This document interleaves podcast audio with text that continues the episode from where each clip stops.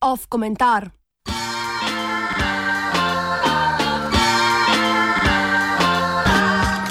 Konvencije demokratične diktature.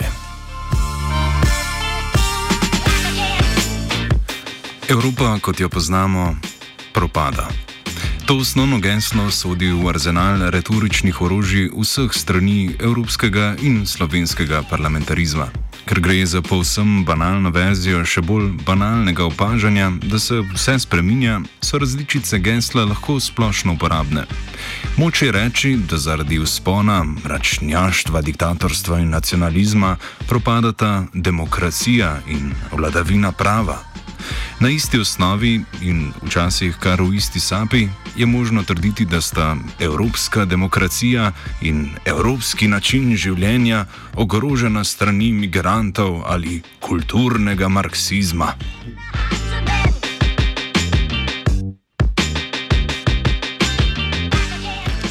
Evropski demokratični duh naj bi med drugim izražale razne konvencije.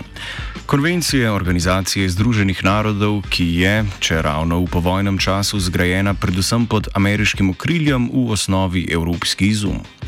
Konvencije Sveta Evrope, konvencije Evropske unije. Um poprečnega evropskega liberalnega intelektualca ljubi konvencije. Bolj kot so ohlapne in brez dejanskega učinka, bolj jih mora ljubiti. Njihove vrstice nosijo simbolni pomen, njihov plemeniti namen, ki je že kot oddaljena iluzija vreden ljubezni, če tudi se nikdar ne bo zares udejanil.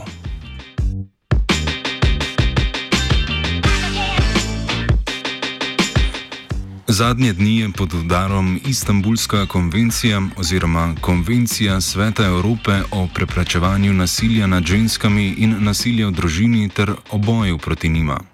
Na polskem je vladajoča stranka Zakon in pravičnost naprimer sprožila postopek odstopa od konvencije. O tem razmišljajo tudi v Turčiji, na mačarskem pa je, naprimer, sploh niso ratificirali. V Sloveniji se boju proti konvenciji skupaj z Marakeško deklaracijo ali globalnim dogovorom o varnih, urejenih in zakonitih migracijah seveda pridružuje trenutno vladajoča slovenska demokratska stranka.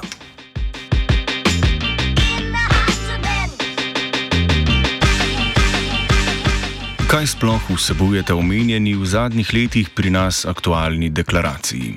Tako imenovana Marakeška deklaracija je ohlapna in nezavezujoča. Predvideva nekakšno sodelovanje držav podpisnic pri regulacijah migracij, predvsem informacijsko. A ni določeno, s katerimi sredstvi. Istanbulska konvencija naj bi po drugi strani bila za podpisnice zavezujoča. Njen cilj je zaščita žensk pred vsemi oblikami nasilja in spodbujanje enakosti med moškimi in ženskami.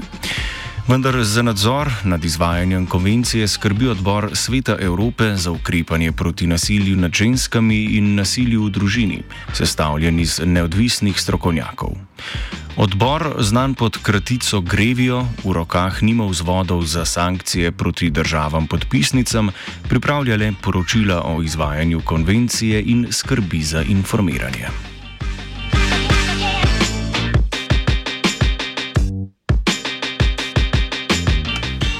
Ko so konvencije tako ohlapne, da njihova ratifikacija sploh ne pomeni nujno kakšnih dejanskih sprememb nacionalne zakonodaje, kaj šele vzpostavljenih praks, se postavi vprašanje, zakaj bi jim sploh kdorkoli nasprotoval.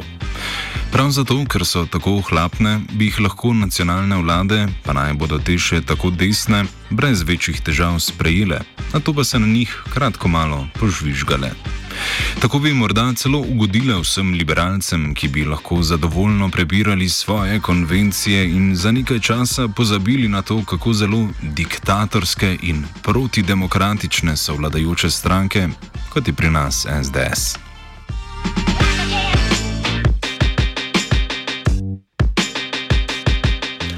Ko konzervativci to vrstnim dokumentom nasprotujejo, si po eni strani torej povzročajo nepotrebne težave. A po drugi strani se prav skozi nasprotovanje vzpostavljajo kot edina alternativa dominantnim liberalnim silam Zahoda Evrope. Površna razlaga bi sklepala, da gre povsem za ideološko potezo, za vzpostavljanje novega desnega konsenza o vprašanjih migracij in enakosti med spoloma.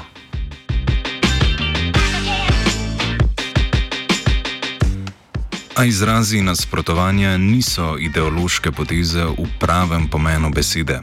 Ideologija, če naj bo vredna svojega imena, ni lažna zavest, s katero bi lahko vsakodnevno manipulirali.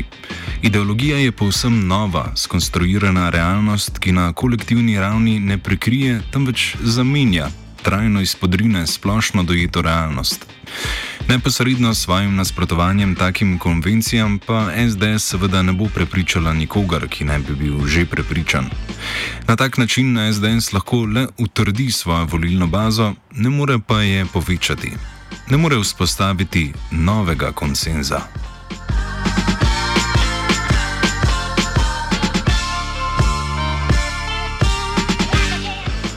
Lahko pa take simbolične geste utrjujejo trenutno stanje stvari. Čeprav to sploh ni cilj nikogar, ne desnih in ne levih parlamentarcev, ne protestnikov na ulicah Ljubljane, Varšave in Istanbula. Pojasnimo z domačim primerom.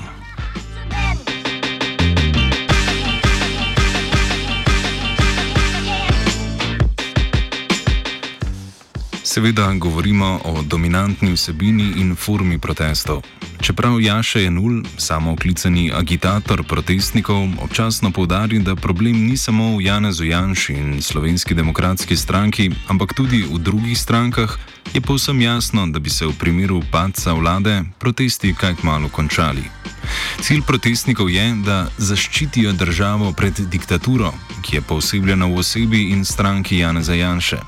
Tako protestniki kljub vsem svojim ljudskim skupščinam le priznavajo, da je struktura oblasti v Republiki Sloveniji osredinjena okrog državnega zbora.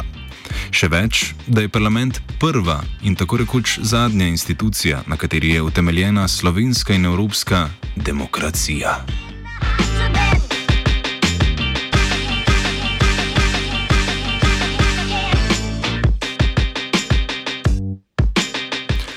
Če diktatorstvo Jane Zajanše predstavlja grožnjo demokraciji, to ne pomeni drugega, kakor da je pred Janševo vlado obstajalo nekaj takega, kar bi lahko upravičeno imenovali demokracija.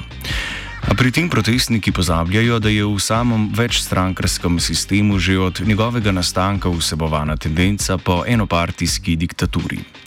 Princip volitev namreč stranke same po sebi nedemokratične organizacije sili v to, da porazijo druge stranke. Cilj je doseči večino, celo absolutno večino. Ker je v večstrankarskem sistemu to nekoliko težje, kakor v dvostrankarskem, a tudi ne povsem nemogoče, posledično relativna zmagovalka volitev kot Piemontska stranka tvori vlado po svoji meri. Če je moč odločanja znotraj koalicije povsem skoncentrirana v rokah premijeja, to v večstrankarskem sistemu pač ne velja za slabost, ampak za premijejevo spretnost. Tako protestniki v resnici zapadajo v isti problem, s katerim bi se morali spopasti. Parlament priznavajo kot nedvomen temelj demokracije.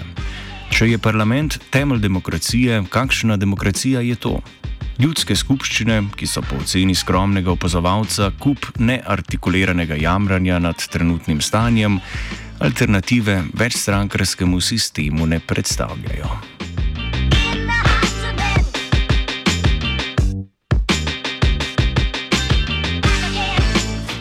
Komentiral je Martin.